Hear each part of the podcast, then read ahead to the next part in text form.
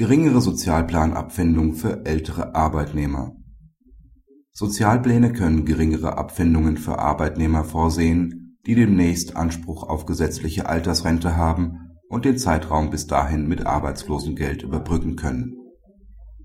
Der Arbeitnehmer ist seit 1995 bei der Arbeitgeberin, die in dem betroffenen Betrieb mehr als 200 Mitarbeiter beschäftigt, als Leiter der Bauüberwachung tätig das Arbeitsverhältnis endet im Dezember 2005 aufgrund betriebsbedingter Kündigung.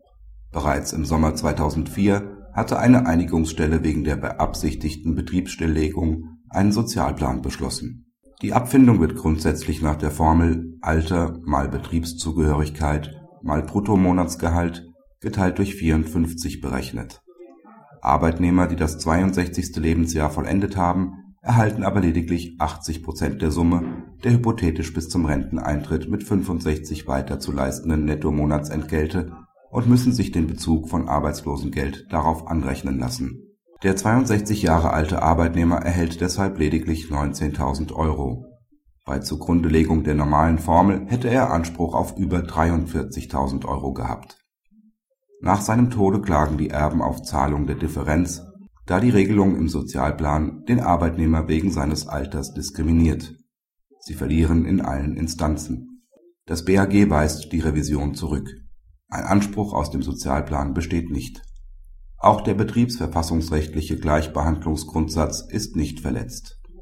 Die im Sozialplan vorgenommene Gruppenbildung ist sachlich gerechtfertigt, da sie der zukunftsbezogenen Ausgleichs- und Überbrückungsfunktion des Sozialplans dient Sie orientiert sich an den wirtschaftlichen Nachteilen, die mit dem Verlust des Arbeitsplatzes verbunden sind.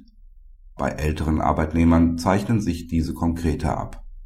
Der kurze Zeitraum bis zum Renteneintritt ist zum Großteil mit Arbeitslosengeld zu überbrücken. Das rechtfertigt die unterschiedliche Berechnung der Abfindung. Die Einschätzung, rentennahe Arbeitnehmer seien wirtschaftlich stärker abgesichert als rentenferne, dürfen die Betriebsparteien im Rahmen ihres Beurteilungsspielraums treffen zwar kann es sein, dass Arbeitnehmer, die kurz vor Vollendung ihres 62. Lebensjahres aus dem Unternehmen ausscheiden, eine deutlich höhere Abfindung erhalten als nur wenige Tage ältere Arbeitnehmer, doch sind solche Härtefälle stets mit Stichtagsregelungen verbunden und hinnehmbar.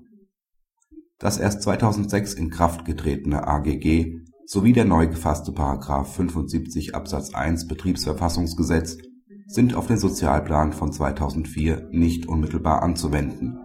Ausblick Das BAG führt seine jüngere Rechtsprechung zu unterschiedlichen Abfindungsregelungen für ältere Arbeitnehmer fort.